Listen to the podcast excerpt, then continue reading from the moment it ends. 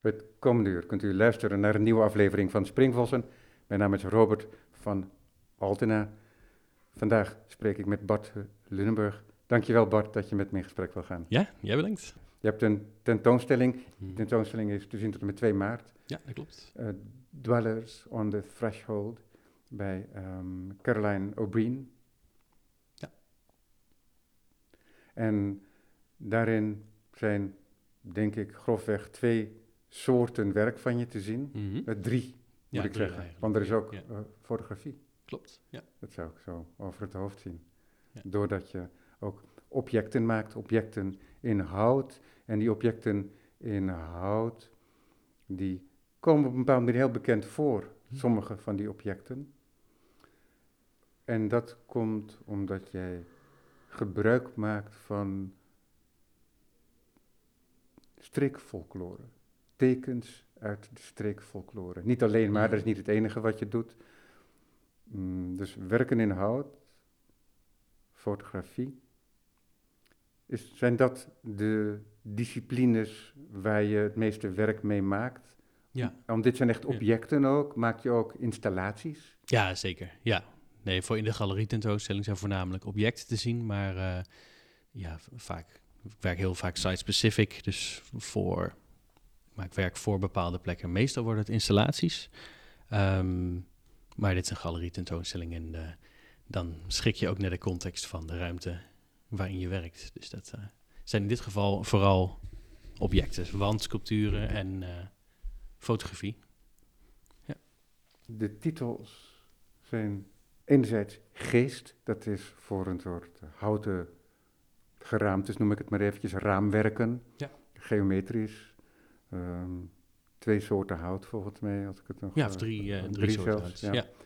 En in de voorruimte hebben we dus de fotografie aan de rechterwand. En links op een rij Mhm. op hoofdhoogte ongeveer een soort houten luikjes.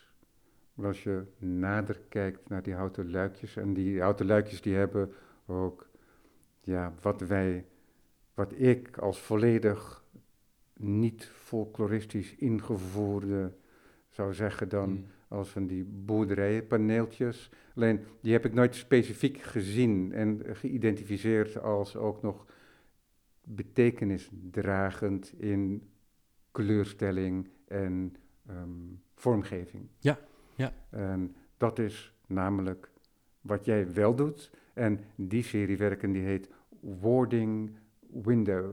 En wording, dat komt dan van eh, bewaken, zoiets. Hè? Ja, Dus, ehm, ja. Beschermen. En dat is toch ook een soort behouden van een bepaalde situatie. En daarom is het toch ook zo grappig dat je dan ook het woord forward hebt. Wat misschien een soort Germaanse oorsprong eh, aanduidt van de Engelse taal. Waarin ze nog woorden kunnen agglutineren Mhm. dus samenvoegen. Eh, maar dan is het wel aardig, omdat forward, dat is toch altijd ook ergens de, de stasis doorbreken. Ja, ja, ja. Ehm, Mooi, Dankjewel. een soort Ja, ja. eh, paradox. Ja. Ja? Wording window. Misschien moeten we daar beginnen. Kijk, Ja. ik zei grappend, vlak voordat ik op eh, record drukte, ik ga met mijn armen over elkaar zitten en ik geef je het woord. Want het, vlak voordat ik hier eh, naartoe kwam, zag ik dat je een artikel had gepubliceerd over je werk op Mr. Motley. Ja, klopt. Ehm, nog niet zo lang geleden volgens mij. nee, ehm, dat steekt nu twee, drie maanden Ja, uit. precies. Ja. En daarin Ja. doe je een en ander uit de doeken. ja, dat klopt. Dus ik zou je niet vragen om hetzelfde verhaal te hervertellen hier. Ik zal de link wel plaatsen in de aankondiging. Nou, dat is natuurlijk helemaal mooi, ja. Wel zo netjes, Voor de geïnteresseerde mensen- luisteraar. Ja, Die, eh, dus er ja. zal wat overlap zijn, want ik zal je ongetwijfeld ook vragen hoe jouw werk mm, verbinding zoekt met folklore, bepaalde streekfolklore, hoe dat is verbonden met je biografie. Niet schrikken mensen, ik ben niet opeens een andere presentator geworden, maar dat bemerkt u zo duidelijk wel. En ja, nou laten we daar maar over gaan beginnen. Dus eh, boarding window, dat is nog steeds, laten we zeggen, het is specifiek, maar het is ook voldoende generiek om niks uit de doeken te doen. De biografie, laten we daarmee beginnen. Je schrijft in je artikel dat jouw opa in het oosten Mhm. Van Nederland woonde. Ja. Met- en daar kom jij waarschijnlijk ook vandaan dan? Nee, niet eens. Niet Nee. eens? Nee. Geboren Utrechter. Oh, kijk eens aan. Ja. En maar je grootouders wel? Mijn grootouders wel, ja. En, ja. En mijn andere grootouders ook. Zeg maar. Ook. De hele familie komt uit eh, streken in, eh, in Oost-Nederland. Ja, en eh, Ja. grootvader van vaders of moederszijde? Ja, allebei. Ja. Waar, nee, maar waar we het nu over gaan hebben, ook met het folkloristisch moeders, moeders, onderzoek. Ja, ja, ja, Ja. klopt. Die grootvader van moederszijde, die was ook geïnteresseerd in lokale folklore. Ja, zeker. En, maar dan ja. vrij specifiek misschien. Ja, dat was wel echt alleen zijn, zijn eigen streek. Dus hij was wel heel specifiek, of ja, hij was echt wel heel regionalistisch. Dus ehm nou, zijn leven wijde die voor een heel groot deel aan nou een soort amateur cultuurhistorisch onderzoek. eh, zoals heel veel streken een eigen oudheidkundige kamer of een eh, cultuurhistorische vereniging hebben. Was hij helemaal eh, nou ja, devoot aan eh, de geschiedenis van de Liemers, waar hij dan vandaan kwam. Ja. Dus Je, va- je grootvader is overleden, dacht ik, hè? Ja, ze zijn nou, allebei nou, deze maand een jaar geleden overleden. En ehm, heel kort na elkaar, twee weekjes. Dus we hebben in twee weken tijd gingen we ehm, nou, in kolonnen, even in een rouwstoet, eh, langs de, de molens van eh Zevenaar en Oud-Zevenaar, waar zij woonden. Ehm, de molen waar mijn oma geboren is, de molen waar zij heel lang hebben gewoond, andere molen. En die molens die waren in de rouwstand geplaatst. Dus dat, dat speciaal voor die eh, passerende kolonne. En dat was. Dat heeft gewoon een enorme indruk op mij gemaakt. Sowieso omdat ik al wist dat, dat die molens een heel groot. Zij identificeerden zich echt met die bouwwerken. Dus zij waren echt enorm trots op die soort lokale icona voor, voor hun architectuurgeschiedenis van hun regio.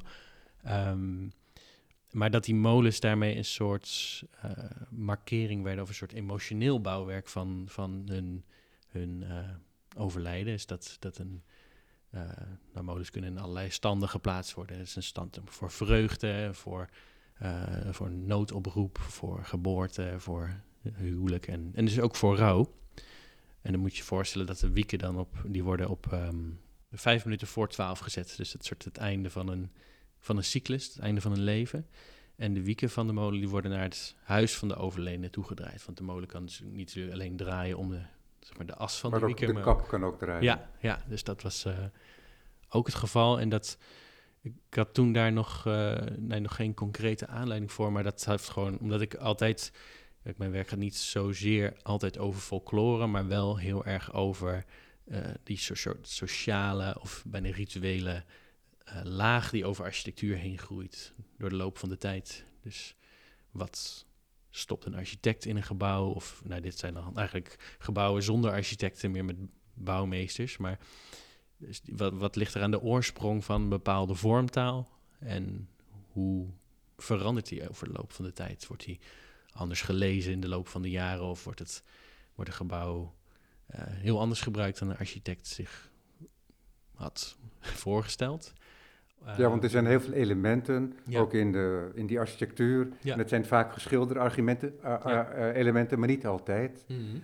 Maar het is ook zo dat de, zo een boerderij, de concrete plekken van een boerderij, die onlosmakelijk daaraan verbonden liggen, eh, zitten door de functie die het heeft, konden functionele elementen of minder functionele elementen een soort toewijzing krijgen. Ja, Hè? ja, ja. En, ehm, en dat is interessant omdat ook ik, Mhm. als ik dat soort schilderingen zag, eh, kleine wapentjes en dingetjes, dan, ja, dan las ik dat inderdaad als een soort strikdecoratie. Is het, ja, en is het en ook. dat ja. is het ook. Eh, het is ook niet zo dat iedereen nog weet wat het dan betekent. Mhm. Ehm, maar dat is interessant dat we nog steeds, als we goed rondkijken, omgeven worden door dat soort specifieke tekens. Ja. Alleen dat er nog weinig mensen zijn die die tekens kunnen lezen. Ja, ja, ja. Hè? Daar hebben we het Meertens Instituut voor nodig, of mensen Ja. als jouw grootvader. Nou, precies. Ja, dat is natuurlijk dat, dat is een vraag die ik mezelf heel vaak stel mijn werk van... ehm, nou, je, je kan elk architectonisch detail om je heen als een voorbeeld nemen, maar dat alles is natuurlijk ontworpen of heeft een reden om er zo uit te zien en niet anders. En dat is natuurlijk heel interessant dat, ehm, nou helemaal in dat soort meer wat, wat oudere architectuur, wat meer uh, historische architectuur, dat, ehm, dat er een soort enorme rijkdom is aan tekens en enorme rijkdom aan ook gebruiken rondom die symboliek. Ehm, zoals in Warding Window, um, die we eigenlijk ook niet meer kunnen lezen. En dat, dat is natuurlijk wel. Terwijl dat je heel vaak, uh, als je om je heen kijkt, je neemt je omgeving natuurlijk aan voor waar of zo, voor um, onomstotelijk. Of om, het is toch altijd geweest. Um, en je weet ook heus wel dat, dat, uh, dat dingen er niet uit het niks zijn, maar dat, dat, dat idee van iets is ontworpen en daar zit dus een leven achter iets banaals. van een, een, een, raam of een drempel of een bepaalde balk in de spantenkap. Die ook weer eigen levens leiden. Bijna bezield worden door hoe mensen die architectonische elementen gebruiken. ja. Ehm, ja. want dat is interessant natuurlijk, want in een, wij zitten nu hier in een huis aan het mm Singel in Amsterdam. En Amsterdam was een open stad. Mm In de zin, daar moet ik er aan toevoegen, want dat is een beetje een gevaarlijk woord. Maar het was een open stad in die zin, het stond open naar de wereld. Ja. Doordat het een havenstad is. Ja. En doordat het een havenstad is, is het ook zo dat het al veel sneller een smeltkroes wordt. Ja. Er is een specifieke uitdrukking in de gebouwen te zien van Amsterdam, maar er is ook heel veel generieks. Maar doordat het historisch wordt, um, ja. uh, krijgt het toch iets karakteristieks. En dat is geheel anders op het platteland mm in ja, een continentaler dorp. Hè, dat, omdat Zeker, het geen streekgebied is. Landlocked en waardoor zaken minder snel veranderen. Ja. En dat soort codes ja. Uh, langer in onze omgeving kunnen, ja. kunnen zijn. Sprak Die worden ge geconserveerd exact. eigenlijk. Sprak je daar veel over met je grootvader? Uh, nee, dat was denk ik meer een soort, meer ook een soort persoonlijke, meer een persoonlijke ervaring of meer een persoonlijke verhouding die ik met hem had. Omdat um, en zij maakte me altijd wel heel erg bewust van de kloof tussen Randstad en ja, platteland, wat dat ook mag zijn, maar in ieder geval uh, buiten Randstedelijk gebied. Um, dat zij die, die trots die zij hadden, die op, op die regionale identiteit, die was echt um, nou, die ken ik niet van mensen. ik kan misschien natuurlijk trots zijn om ik wil Amsterdammer te zijn of een Utrechter te zijn, maar zij hadden dat echt nou ja, verheven tot een identiteit.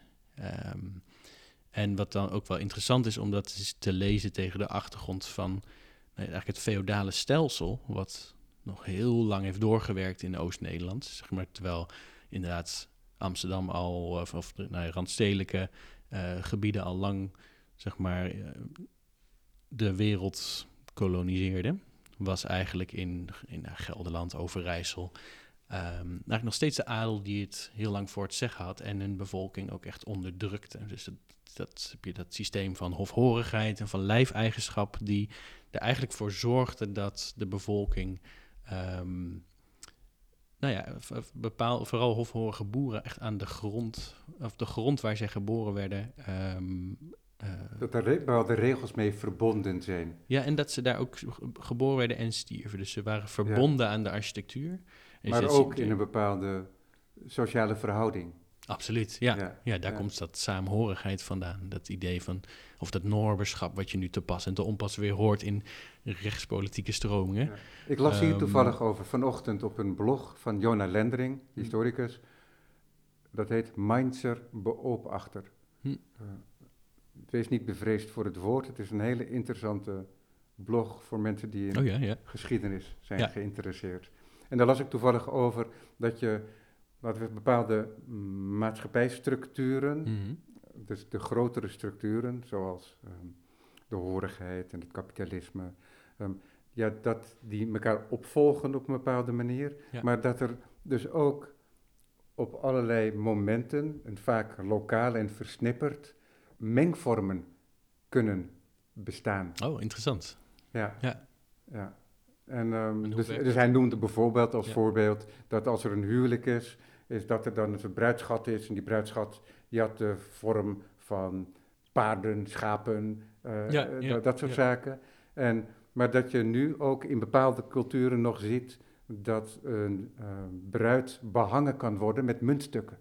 Oh, wauw. Dus, dan, dus dan, is er, Ja. dan is het helemaal monetair geworden. Mhm, En die oude vorm, mhm. die is dan in een soort kapitalistische vorm ehm, Het is een door, doorgegaan. of een Dus nou, dat, dat is dan één enkel voorbeeld, Ja. maar het is, ehm, ik wil hier niet heel verder over uitweiden, maar het Mm. is wel grappig dat je Ja. dat zo noemt, want dat heb ik zelf nooit zo bedacht Mhm. in Nederland. Wel dat je bepaalde resten had van beslotenheid, van gemeenschap. Ja. Dus ik ben in Amsterdam geboren, maar opgegroeid in West-Friesland, dus Noord-Holland. Oh ja, ja. En een aantal klasgenoten van me, één, twee, die spraken West-Fries. Oh ja. Dat is gewoon volledig verstaanbaar Nederlands over het algemeen, maar met de SCA op zijn Engels uitgesproken als een K. Hm. En dat soort zaken. En ehm, ja, dat, is, dat zou nu niet meer kunnen, denk ik, omdat Noord-Holland veel meer ontsloten is. Ja. Dus dat is in het tijdsbestek van mijn leven. Ja, het is echt een, eigenlijk heel Dus- kort. Een ja, nou, inmiddels ook een halve eeuw, maar, nou ja, eh, maar ja. toch is dat eh, redelijk kort inderdaad. Omdat Zeker, je, ja. Vooral ook omdat je, omdat je dat zelf, daar zelf getuige van bent. Ja. En die zaken waar jouw opa zich mee bezighield, die waren al, er al heel lang. Hè? Er is geen beginpunt aan te wijzen, denk ik. Maar er zijn wel, laten we zeggen, eerste waarnemingen bekend. En Ja, dat, ja, dat kiezen we ja. dan wel eens als beginpunt. Dat zal eeuwen zijn. Dat zal eeuwen zijn. Ja. Maar jij sprak dus niet specifiek daarover met hem. Is jouw... Nou, ik dat is vooral aanhoren. Ja, nee, oké. Maar is jouw actieve interesse daarin, om daar ook zelf mee aan het werk te gaan, ontstaan door het overlijden van je grootvader? Dat denk ik wel, ja. Ja. Nee, want ik had niet eerder projecten gedaan over, of werk gemaakt over Oost-Nederland. Het was ook wel in eerste instantie, ik dacht, ik wil iets met die molen doen als ode aan een leven. Of als, ja, ik vond het gewoon heel mooi dat het bouwwerk een soort getuigenis worden, werd van een leven. En daarna ook gewoon de dag daarna weer gewoon vrolijk doordraaide. Ja, je hoeft ook geen eh, Don ja. Quixote te zijn Nee. om in een molen een, laten we zeggen, vereenvoudigde mensfiguur te projecteren. Hmm. Hè, met armen. Ja, misschien is dat inderdaad wel interessant van waar dat eh, gebouwen worden ook menselijk, omdat wij het op levenloos materiaal projecteren. Ja, en het, wat, Dat- ook, wat ja. ook mooi is, is dat die molen is nooit bedacht Ja. als signaalmechaniek. Mhm. Dat volgt. Ja. Maar dat is het vermogen van mensen om objecten, verschijnselen als teken te zien. Soms Ja. gebeurt dat, en dat hangt ook samen met folklore, doordat er van alles wordt gelezen en geprojecteerd en dat er verbanden worden gezien die ja, niet heel waarachtig zijn, maar wel als waarachtig worden beschouwd. Ja, bijna, dat- bijna artistiek dat, eh, eigenlijk. Dat, dat, Ja. dat, verschijnsel heet volgens mij pareidolia. Hmm. Dat, eh, dat is ook het wolkenlezen. Dat we, Oh ja, ja, dus- ja, ja. En dat kan natuurlijk ook ziekelijke vorm aannemen. Dan leid je een achtervolgingswaanzin waarschijnlijk. Ja, Maar eh, dat neem ik ook meteen weer in, want ik weet niks, ik weet niks van die materie. Ja. Maar, ehm, maar dat is interessant toch? Die, Mm. Dat ons hoofd ook zo'n projectiemachine is. En dat is ook waar kunst op gedijt natuurlijk. Dat je iets kunt presenteren en dat het ook iets anders kan zijn. Dat Ja. is ook bij jou het geval. Ja. Dus het presenteert zich, dat werk, wording window, als een luik. En je kunt er natuurlijk langs lopen en dan denk je van oké, inderdaad, Ja. luikjes. En eh, daar heeft hij verschillende configuraties van gemaakt. Een mooi formalistisch spel. Ja. Dat is het ook. Dat is het ook, inderdaad. Maar je kunt er ook bij gaan staan Mhm. en dan zie je dat het geen beschilderde panelen zijn. Klopt. Nee, het zijn maar geen schilderijtjes. En Dat het houtmozaïeken zijn. Ja, het zijn ingelegde stukjes hout. Eigenlijk verzaagd, geschilderd, weer opnieuw ingelegd. Dus Waar is die keuze ontstaan om dat zo te doen, die Ja. bewerkelijkheid? Nou, wat ik interessant vond, is dat is dus eigenlijk, dan komen we dus op die serie warding window is Um, waar ik achter kwam, we hadden het net over dat feodale stelsel, wat, soort van, wat heel lang doorwerkte in, uh, in uh, die streken. Maar dus dat de raamluiken op boerderijen, en we zien ze natuurlijk ook tegenwoordig heel vaak gewoon te pas en te onpas decoratief gebruikt, zonder dat een, een gebouw echt een, um, nou ja, zo'n feodale, onder een feodaal uh, bezit hoorde. Maar dat die ramen in die streken altijd verwezen naar, of de kleur op de ramen, naar de wapens, of de heraldische wapens van de landeigenaren. Dus elke, elk raamluik had een bepaalde kleurschakering en een, uh, en een compositie daarbij hoorde. Dus heel veel, in Nederland zie je heel veel schuinkruizen en keperverbindingen. Je hebt natuurlijk de ramen met de, met de kleine wisselrondjes. Um, dus zijn eigenlijk allerlei soort, zijn bijna een soort basis of soort motieven die steeds terugkeren in verschillende verschijningsvormen. En, uh, daarbij horende kleurstelling die aan de streek verbonden is. Maar waar ik achter kwam, dus dat was, vond ik enerzijds zo interessant. Maar dat ook, en dat is dan weer nog weer wat minder bekend, maar dat als het eigenaarschap dan veranderde van die boerderijen of zeg maar, al die bouwwerken die hoorden op het, bij het domein van de landeigenaar, Um, en dat kan zijn door verkoop of door oorlog of door eigenlijk allerlei politieke processen, is dat die ramen ook werden overschilderd. Dus die ramen waren niet alleen een soort markering van de architectuur en een soort herinnering uh, van, aan de bewoners en aan mensen uit het dorp en reizigers in de omgeving van ook een lichtblauw en een donkerblauw schuinkruis. Dus je weet ook, ik betreed nu het land van deze familie. Um, maar dat zo'n raamluik dus niet alleen een, een nou, bijna een soort hebzuchtige markering is van bezit, maar ook strijdtoneel van de, van de macht. Dus dat een, een raamluik ook iets, um, een soort vlak wordt waar, waar uh, een politiek spel op wordt bedreven. Dus dat idee vond ik heel interessant. Van, het, van er zitten dus al, allemaal kleurlagen nog achter zo'n compositie. En dat, dan kun je van die hele mooie overzichten vinden van welke in welke streek komt welk, uh, welke compositie voor. Maar dan zag ik eigenlijk dat het heel mooi is dat er een soort, dat uh, bijvoorbeeld kleuren heel makkelijk kunnen verspringen. Dus als je het idee uh, van, je hebt bijvoorbeeld een rood en een wit schuinkruis, maar als je wit vervangt met oranje, dan heb je dus eigenlijk al een, een andere, een verwijzing naar een andere familie.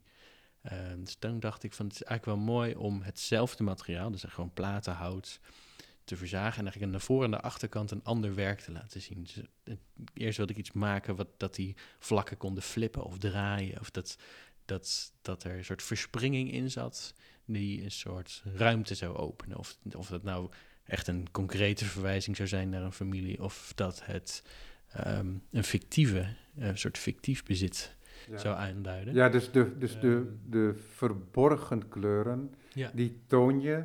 Dus wat je eigenlijk doet, is dat je aan de bovenkant mhm. de verschillende lagen waar een palimpsest uit kan bestaan, in één keer toont, als het ware. En de manier waarop je toont, dat is arbitrair, hè? dat is een keuze van jou. Ja, zeker. En, dus dat is misschien alleen maar een esthetische kwestie. Maar dat is wel wat je doet dan, ja. inderdaad. Het is misschien nog goed om te zeggen, inderdaad, voor de luisteraars, daar werken hangen haaks op de muur. Of misschien, ja, of misschien had je dat, al gezegd. Nee, dat had ik niet gezegd. Okay, dat is heel juist dat je dat zegt. Ja, dus de, uh, zodra je... Het zijn eigenlijk dus flinterdunne werken. Dat, die luikjes uh, die hebben een dikte van uh, eh, 1,2 centimeter. Dus eigenlijk, ze zijn er wel, maar ze zijn ook weer bijna dun als een, als een plank. Dus ja, als je en, ze hebben de maat, laten we zeggen, die een, je kunt een, een rechthoek om een, om een hoofd plaatsen. Oh, en dan, en dan zou je ongeveer bij deze maat uitkomen. He, dat is, En ze hangen ook op hoofdhoogte. Klopt, ja. Dus voor mensen die het inderdaad niet gezien heeft, is het wel goed inderdaad, daar heb je gelijk in, om even wat specifieker oh, ja, ja, te zijn. Maar dat vond ik het zo mooi, dus als je door de ruimte beweegt, en dat zie je ook, dus de, als je langs zo'n luik loopt, of in dit geval eigenlijk, het gaat ook om de sequentie van, of de, het seriematigheid van de luiken. Dus als je er langs loopt, dan verdwijnt de compositie eigenlijk, verdwijnen de kleuren. En dan is het alleen nog maar, als je er op de kopse kant op kijkt, is het een, een eikenlatje. Ja, net als het hekwerk dat net verwijderd is bij de Nederlandse Bank van Peter Struiken. Oh ja, is dat zo?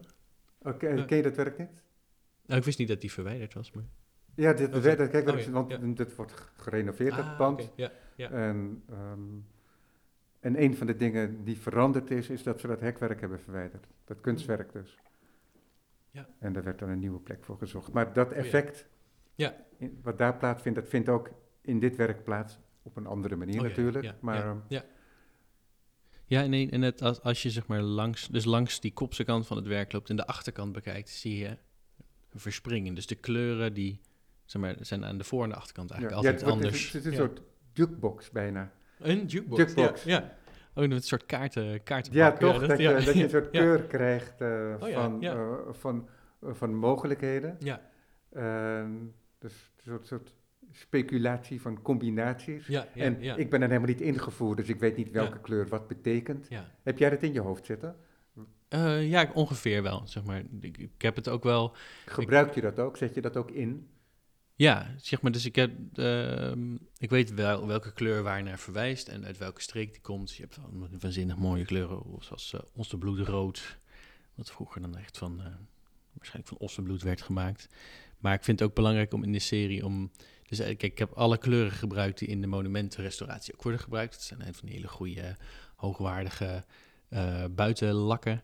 Ehm, en, maar ik vind het ook belangrijk dat het werk weer open wordt. Dus dat het enerzijds wel leent en verwijst naar al die lokaliteit, maar dat het ook abstracter wordt. Dus de, het, ik heb ook wel uh, bewust kleurcombinaties gebruikt die niet zouden horen te kloppen. Ja. Nee, Ja, waardoor ja, er ja. een heel duidelijk op die folklore een blik van buiten wordt gericht. Ja, ja.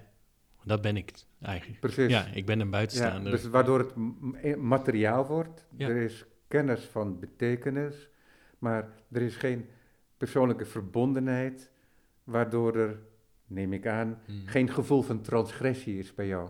Oh ja, Want ja, voor jouw ja, grootvader ja. zou dat misschien Ja, ehm, ja. Wel het geval zijn. Ja. Die zou dat niet door elkaar gezien willen Nee, hebben. nee, dat heb je heel vaak. Zeg maar, ik spreek ook vaak met archivarissen of met eh, historici die veel kennis hebben van een bepaalde streek of een bepaald gebouw. Of, eh, ehm, dus mijn praktijk leent heel veel van die kennis eh, uit archieven of uit ehm, ja, verhalen, folklore. Maar uiteindelijk is het voor mij materiaal om iets, zeg maar, ik vind het interessant om site-specific te werken of om iets te maken over een bepaalde plek of voor een bepaalde plek, maar er moet ook een artistiek, er, moet, er zit een toevoeging in. Dus wat ik doe, ik, zeg maar, zo'n project, daar gaat, er zit een jaar vooronderzoek in, of literatuur en archieven, maar uiteindelijk is het natuurlijk materiaal om, het is geen historische illustratie, zo. het is, het is eh, eh, om iets om het open te maken voor nieuwe betekenis of om er kritisch op te reflecteren. En daar, er moet ook wel natuurlijk een, de deur openstaan, op een kier zetten voor het universele wat er weer in zo'n Ja, regionale... Wat, wat heel interessant is natuurlijk, is dat jouw beeldtaal, Mhm. die, laten we zeggen, komt voort uit het modernisme. Mhm. Hè, dat soort Ja. vereenvoudigd, ehm, concreet, zou je kunnen zeggen. hè, refererend aan Van Doesburg aan het einde van zijn leven. En daar, door Van Doesburg en de zijnen, Mhm. werd juist veel in het werk gesteld om de referentie te verbreken. Ja, Hè? ja. Juist om tot dat universele te komen. ja. Hè? Dus daarom verdween groen ook uit het palet, denk ik, Oh ja, ja. van de abstracten. Ik weet niet of dat helemaal het geval is, want Mm. ik kan me voorstellen dat het bij Van Doesburg wel groen werd gebruikt, maar bij, bij Mondriaan bijvoorbeeld niet. Maar de referentie werd juist verbroken, zodat het kunstwerk op zich kwam te staan. En wat jij doet, is met de evolutie van de kunst, denk ik ook, met, waarschijnlijk ook geïnformeerd door de conceptuele kunst, Mhm. is dat er wel weer dingen bijgehaald konden worden. En in Ja. jouw geval is dat juist datgene wat verbroken moest Ja, worden. ten, uh, ten- Aan, aan, oh, zo'n honderd jaar geleden, laten Ja. we maar zeggen, grofweg. En namelijk dat je die folklore er weer bij haalt. Ja. en, Ja, nee, eh, wel interessante daar- combinatie. daarmee gaat spelen. Interessant verband wat je daarmee maakt. Dus heb je inderdaad wel een heel goed, eh, heel goed punt. Dat inderdaad wat, wat die weg naar abstractie dat is natuurlijk inderdaad breken met, met, met die hele ballast van, van figuratie en verhalen en folklore en anekdotisch materiaal. Maar inderdaad, dat, dat uh, ja, ik, wat dat betreft combineer ik een soort van dat tijdperken aan elkaar die helemaal niet met elkaar. Ja, maar dat is logisch ook, want jij, jij komt erna. Ja, ja, zeker. Zelfs in die folkloristische uitdrukkingen zul je enige evolutie hebben gehad. Nou, dat hoop ik wel, ja. ja. Nou ja, de bedoeling is om een stasis te markeren, mhm. denk ik. Ja. dat is misschien een projectie, maar dat is wat ik denk.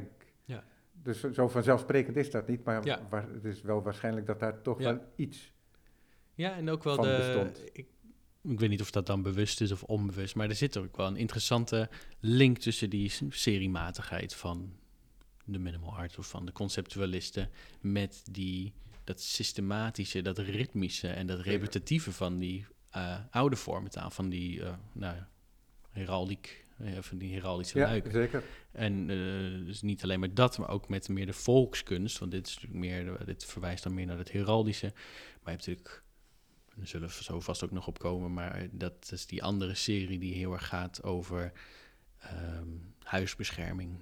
Ja, nee, maar ehm, stap maar eh, over, dat is ja? goed. ja, natuurlijk, nou, zeker.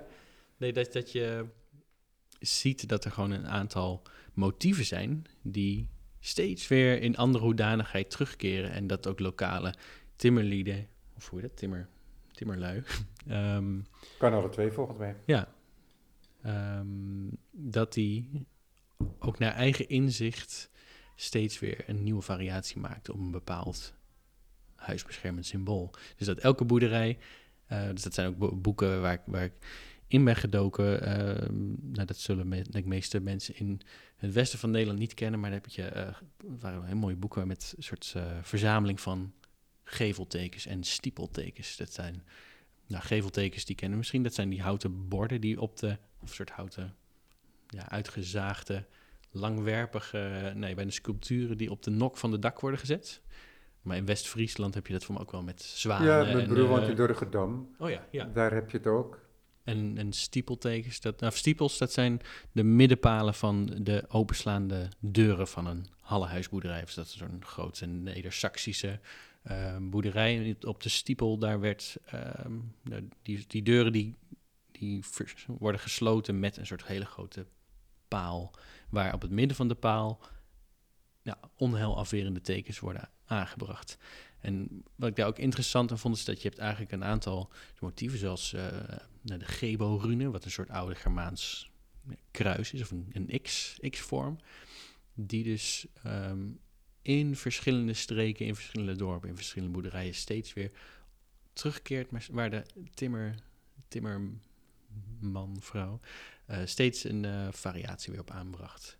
En later zijn die, die, die symbolen zijn ook allemaal gekerstend, zoals maar door de kerk toegeëigend. Het zijn vaak dus hele oude, uh, een Germaanse vormentaal, waar de, de kerk ook weer een soort van invloed op heeft proberen uit te oefenen door er uh, hosties en miskelken en kruisjes, Christuskruisjes bij te zetten. Dus um, nou, dat is misschien een, even een bruggetje, maar dat, dat, dat seriematige, dat vond ik wel interessant. Zeg maar. Dus dat, dat er een soort, die vormen steeds echoen en steeds terugkomen. Het zijn, is een aantal ja, symbolen die, die we, die toch ook een beetje in ons collectief onderbewuste zijn geraakt, denk ik. Zoals een kruis. Dus natuurlijk, net, kruisen, dat zie je dus heel veel van die huizen, die zijn dus heel erg bedoeld om geesten buiten te houden, of ziektes buiten te houden, of om het, het vreemde. Maar het is wel interessant om te bedenken van hoe, sinds wanneer zijn wij dus kruisen gaan lezen als een afwerend symbool. Ehm, hoe ver gaat dat terug? Want het is natuurlijk niet zomaar, dat symbool is niet zomaar ontstaan. Ehm, en daar speelt die serie ja. geest. Ja, het, is, het representeert een heel gedachtegoed. Ja, ja. Natuurlijk. Daar is dat dan ook waarschijnlijk een soort markering van uh, een goede ruimte ten opzichte van het uh, kwade. Ja, hè? ja, uh, ja. De prins van het duister, de duivel. Oh, ja. Toch? Zoiets, zoiets is het ook natuurlijk. Ja. Hè? We zitten niet meteen in de band van de ring, wil ik maar zeggen. Ja. Maar de band van de ring zit daarin. Oh ja, ja. ja Andersom, toch? Dat komt daaruit voort. Ja, inderdaad wel dat dualistische. Dus dat, dat goed tegen kwaad. En, Exact. en dat zie je dus heel veel. En dat, dat, daar ben ik echt een soort van ingerold vanuit die van interesse naar die rouwrituelen in architectuur. Dus eerst in eerste instantie die molens. Ehm, maar dat heel veel van die boerderijen, ook omdat ze zo een soort van nou, eeuwenlang onder een stolp hebben gestaan, onder een soort politieke stolp, nog vol zitten met eigenlijk dat oude geloof, dat, dat Germaanse, dat bijna heidense bijgeloof. Ja, zei pas geleden ook tegen mij bij een tentoonstelling Kunstlab, die kwam en zeggen, ja, jij zegt wel bijgeloof, maar in Twente is dat echt geloof. Wij geloven dat echt. Of, of hij dat nou nog echt gelooft in, in donor en in witte wieven, dat, Ja, dat kan je natuurlijk... dat is eh, weinig, or- weinig orthodox Ja, vanuit eh, christelijk standpunt. ja, nee, zeker. Oh, daar gaat een radio aan. Ja. Volgens mij moet ik er even... Oh, Gerrit doen? Dankjewel.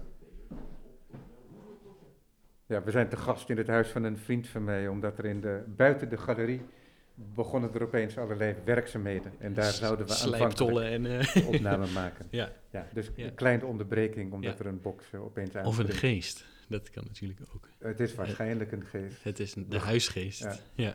Ja, ja, ja, ja bijgeloof. Ja.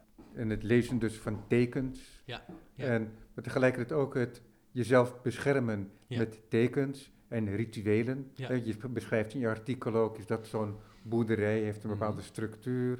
En Mhm. dat er sommige boerderijen zelfs één deur hebben. En dat is eigenlijk de laatste deur waar je door naar buiten gaat. Die was gereserveerd voor, laten we zeggen, de horizontale passage. Ja. De, nou, daar heb je ze weer, die. Ze laten ons niet met rust, de geesten.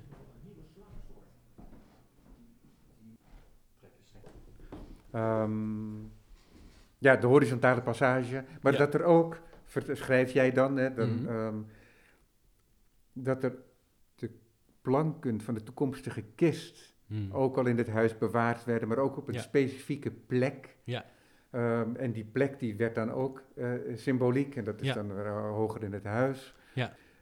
En dat er ook eer aan ontleend werd als de planken van de kist van een boom van het eigen erf kwam en dergelijke. Ja. En Ja, en dat je dat alvast eh, de ja. bomen plant voor de kist van je nazaten. dus ja. volledige verbinding Mhm. hè, ja, ehm, met de plek. vervlochtenheid. echt, Exact, ja. exact. Ja. En dat, en dat hè, bewijst weer dat, hoe anders dat is in zo'n stad als Amsterdam Zeker. ook ja. was. Ja, ja. Ja, maar goed, dat, eh, Ja. maar die andere serie werken, die heet Geest volgens mij. Hè? ja, klopt. Ja, die hebben vrij eh soort Sax, nee, de Saxische of Hollandse namen gekregen. Ja, dat zijn geest. houten raamwerken. Ja. Dat zijn houten latjes. Wat voor... eh, Eikenhout eh, en essen en noothout. En één, ja, latjes in 1 bij 1 centimeter. oké. Dus het soort... ja. En daar maak je eh, structuren van. Ja. Eh, platte structuren. Ja, Dus die hangen eh, gewoon aan de, aan, de, aan de wand, steken niet uit. Het is geen pro-oen, zoals bij... ze zeker een Lizitzky. klein stukje uit. Dus Nee, ze hangen tuurlijk. op, op staalnagels. Dus dan, daardoor heeft, krijgt het licht nog invloed. Zeg maar. Dus het is niet alleen een, een werk of een houtwerk, maar het is ook een membraan waar licht doorheen valt. Zo'n soort weefwerk waar licht ook weer Ja. Ja. invloed op Ja. heeft. Nee, maar het is Ja. geen pro-oen, zoals bij Lizitzky, dat het Mm. zo de ruimte insteekt. Oh ja, ja, ja. Hè, ja, dat ja. is een, een, Ja. een heel andere dynamiek is dat. Ja, ja. Er zit leven in door dat licht zijn spel kan spelen. Ja. Maar tegelijkertijd, doordat ze plat zijn, blijven ze ook op een plek. Ja. Hè? Ja. Dat is heel, eh, wel gekozen, denk ik ook. Ja. Er is wel overwogen gebeurd. Ja. Ja, ik vond het bij die serie interessant dat ehm, nou, heel veel van die architectuur, eh, van die boerderijarchitectuur, dat is vakwerkbouw. Dus het, het huis is echt, eh, nee, net zoals de, de, de mens vervlochten is met het bouwwerk, is het bouwwerk zelf ook een vlechtwerk. Dus het zijn huizen of een, vorm van architectuur waar ik nauwelijks eh, ramen en deuren in zitten. Zeg maar niet, komt helemaal niet veel licht binnen. Het is heel donker. Het is een hele donkere architectuurvorm. Maar de, Het hoeft niet, toch? Want je kunt ook een deel van het raamwerk openlaten. Ja.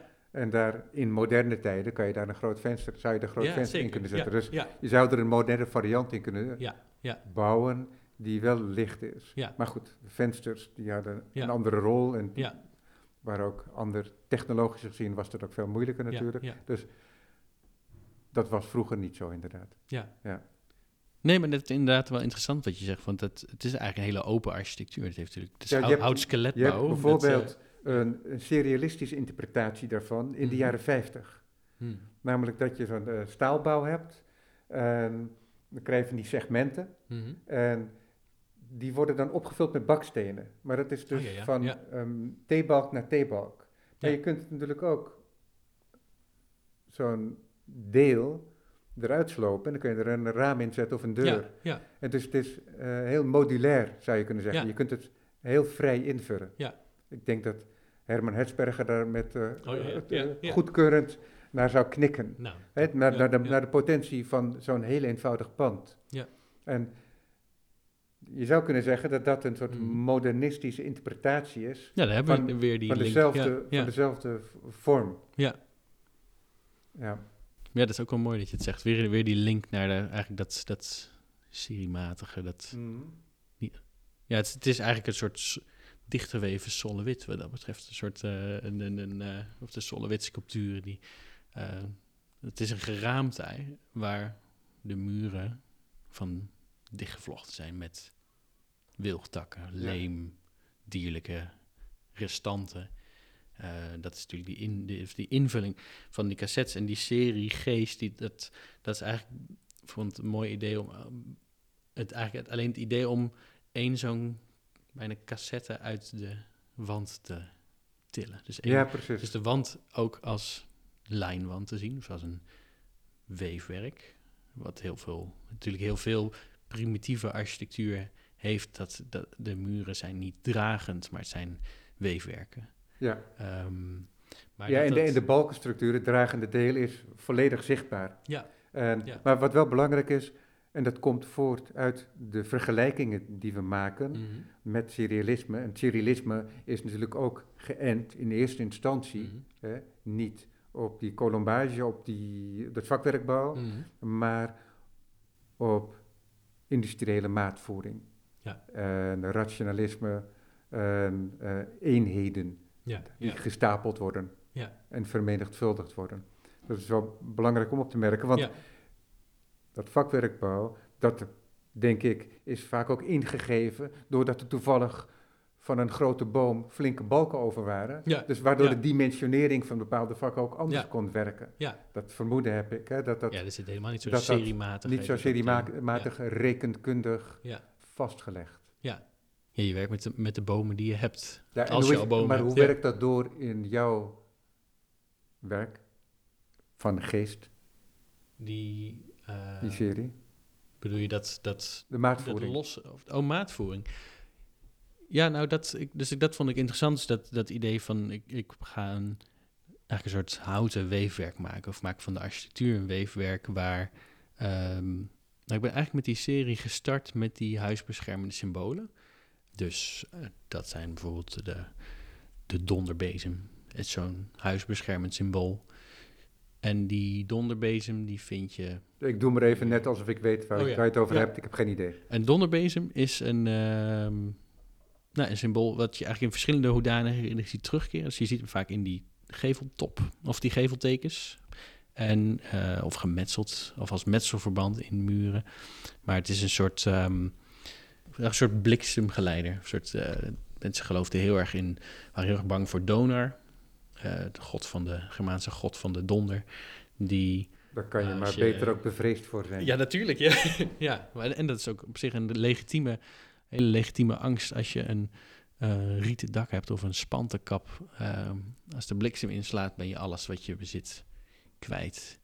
Ehm, dus het- het geloof, het, ang- de angst voor de goden was heel reëel. Maar wat interessant En, is eh, natuurlijk, is dat ja. je dat poëtisch overdrachtelijk kan overdragen. Ja. Maar je kunt er ook inderdaad daadwerkelijk dat als bezield eh, denken Ja.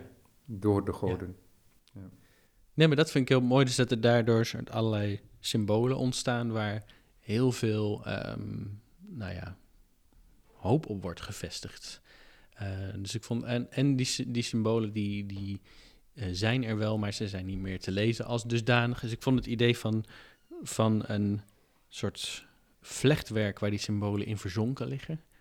Eh, dus een soort muur waar je doorheen kijkt, maar je kijkt ook door het symbool heen. Eigenlijk een mooi uitgangspunt voor die serie. Dus ik ben die symbolen eigenlijk een soort van gaan uitleggen in mijn atelier met, met houten latten. Ja. En die soort van gaan, nou ja, bijna gaan invlechten. Het is ook niet, natuurlijk niet echt er wordt suggestie gewekt van vlechten. Dus eigenlijk door hout op bepaal, in bepaalde hoeken te zagen en het laten verspringen en de verschillende houtsoorten te gebruiken, ontstaat er eh, ja, als het ware een weefwerk. ehm, in, in bijvoorbeeld in één geval met de titel Donder of Hagel.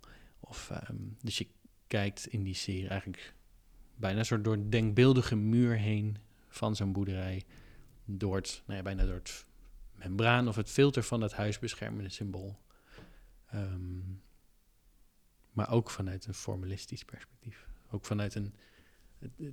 Dus dat, dat vind ik interessant. Dus hoe kan iets aan de e- enerzijds abstract zijn, bijna decoratief, maar tegelijkertijd ook een, nog steeds een bezieling in zich dragen of zo. Van, toch benieuwd, ook, en dat schrijf ik ook in het essay, van dat die zo'n donderbezem eigenlijk best wel weer relevant is. Of best wel interessant kan zijn ehm, voor alle klimatologische rampen die eigenlijk ons nog te wachten staan. Dus dat zie ik toch ook een link met die godvrezende boeren uit de geschiedenis en het respect en het ontzag die ze hadden voor de elementen, voor het onweer, voor de donder, voor overstromingen en droogte, eigenlijk alle. Ja, daar hoeft dus ook niet bewust van te worden gemaakt. Nee. Want als je even niet oplette, kon er een oogst weggevaagd zijn. Ja, wat het einde van je gezin zou kunnen Ja, betekenen. of dat, Bijvoorbeeld Ja. in Marken, waar Ja. een deel van mijn familie vandaan komt. Dan konden de kisten zomaar ronddobberen, omdat het eiland was overstroomd. Oh ja, ja. Dus de kisten waren ook genummerd, zodat ze weer op de plek konden worden gelegd als het weer droog viel. maar die liggen maar- lagen los. Nou ja, die, dat kwam los uit, Ja. de, uit de grond. Oh god, die kwamen uit de, Ja, door de klei Ja, heen. ja, wederopstanding. Oh wauw. Dat is wel een Maar, waanzinnig spookbeeld. nee, maar dus mensen hoefden daar niet van eh, doordrongen te raken, Nee. want die leefden Ja. daarmee. Ja, En dat, wij zijn zo beschermd ja, dat wij eh, denken te kunnen redden zonder beschermers. ja.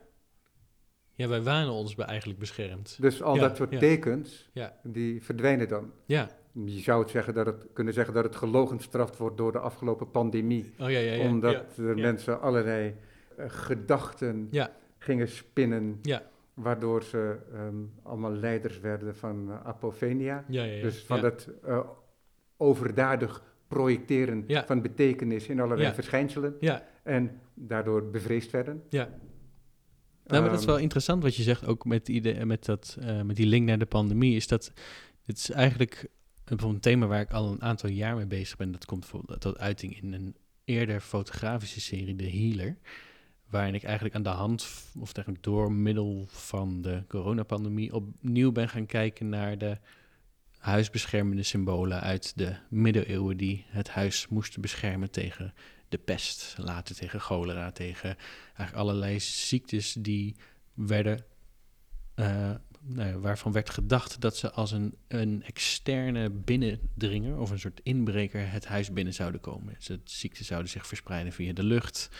Ehm, en door die zieke lucht in te ademen werd men zelf ziek. Dus je hebt daar een soort al, ook allerlei symbolen die daar, ehm, of zeg, nou ja, niet alleen symbolen, maar ook rituelen om je huis te beschermen tegen. En dat zie je ook in die, in die landelijke architectuur in Oost-Nederland nog. Dus dat zijn niet alleen, ja, bijvoorbeeld in Twente heb je het verhaal, het over Blauw Deemken, wat een, ook een soort blauwe miasma is, of een pestwolk die zich van dorp, dorp langs dorp naar dorp beweegt en de bewoners besmet. Ehm, maar dat, en, en, net zo goed het, de angst voor witte wief, of eigenlijk een soort heksvrouwen, geestverschijningen, die, die hangt daar ook heel erg mee samen. Maar dat is wel interessant wat je zegt van we zijn die tekens kwijtgeraakt, maar door corona is ineens weer kwam ineens weer heel veel aandacht voor ventilatie en over ja, wat, hoe, hoe, hoe bescherm je je tegen iets wat zo onzichtbaar en zo ongrijpbaar is, maar wat Ja, want Toeslaat. Dat, dat, gaat, dat gaat rond als een geest, als Ja. het ware. ja, Ja. Ja. Maar bijvoorbeeld ja, in die serie gaat, of de healer gaat, daar komen ook bijvoorbeeld de kruiden worden het, on, het, het onderwerp. Dus daar zie je de salie en de tijm en de, het, eigenlijk het soort van het, het, het salie branden aan van de letteren. Dus een soort, ehm, nu zit dat misschien meer in een antroposofisch of in een, eh, of, eh, meer een spirituele hoek, maar dat heeft ook, was vroeger ook gewoon een, een medische, een medische Ryan Christopher, die eh, een tentoonstelling heeft bij Slewe Galerie, hè, en die ook bij de laatste presentatie zat van eh, de ateliers, die, eh, ik weet even niet hoe het kruid heet, ehm, moet ik dat opzoeken nu? Nou, we accenteren het maar eventjes, dat ik het niet weet, sorry.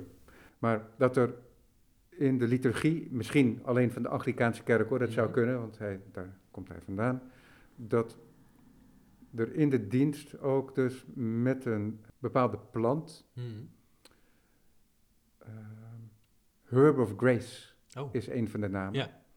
dat die gedoopt wordt, waarschijnlijk in het wijwater stel ik me voor, Oh ja, en ja. dat daar ook dus mee gesprenkeld wordt. Dus Oh dat wordt dan geaspergeerd in de ruimte via, en dat is, dat klinkt, eh, zei ik tegen hem, eh, heel ehm, erg eh, onchristelijk. ja. Toch? Dat lijkt Ja. iets alsof het ingekapseld is door het christ- christendom, maar dat al Het christendom stikt voortkomt natuurlijk van uit die eh, folklore. toe-eigeningen. Exact. Of, ja, kerstening van oude rituelen die daarna een soort van... Het is ook het christendom is ook een soort smeltkroes van, van alles. van allerlei culturen die het christendom heeft ingelijfd.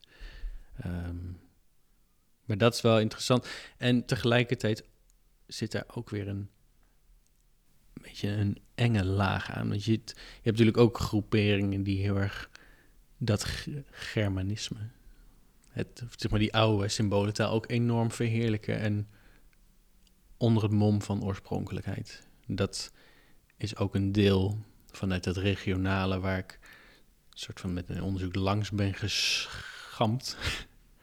en, niets, en ook niet altijd wist, wat moet ik daarmee? Zeg maar, want je kan ook heel veel van, dat, van die Germaanse symbolen ook bijna niet loszien van, eh, van die rituelen, loszien van... Of ja, dat is de vraag, kan je die loszien van nationaal socialisme? Of... Nou Ja, want dat is eh, interessant ja. natuurlijk, dat je dus mensen of groeperingen ook bepaalde tekens Mhm. ehm, ja, kunnen gebruiken of hergebruiken. ja. Dus dat is ehm, wat mensen doen, wat mensen Ja. kunnen doen. Dat, die plant die heet trouwens ook rue, en van, Rue. van dus dat is ook eh, Ah, ja. eh, regret of berouw. Ja, Dus dat is daarmee mee verbonden dan. Maar dat, dat is ook weer, dat wordt ook een plant die teken wordt. ja, ja. Die plant denkt... Bijvoorbeeld, en-. Eh, en dat is waar jij mee werkt dus ook. Hè? Je. Dus je werkt met een soort semiotiek. Ja. En je gaat dus een relatie aan met verleden, met, Mhm. maar je hoopt ook dat je dat betekenisvol kunt maken voor jouw verhouding met de wereld, Mhm. maar ook op zo'n manier dat, je, dat, het iets dat het breder wordt en dat het ook via jouw werk en mijn kennisneming van een aantal folkloristische feiten, Mhm. dat ik daardoor ook een nieuwe blik kan krijgen op de wereld waarin ik zelf beweeg. Ja, dat is mooi natuurlijk van beeldende kunst. Of van...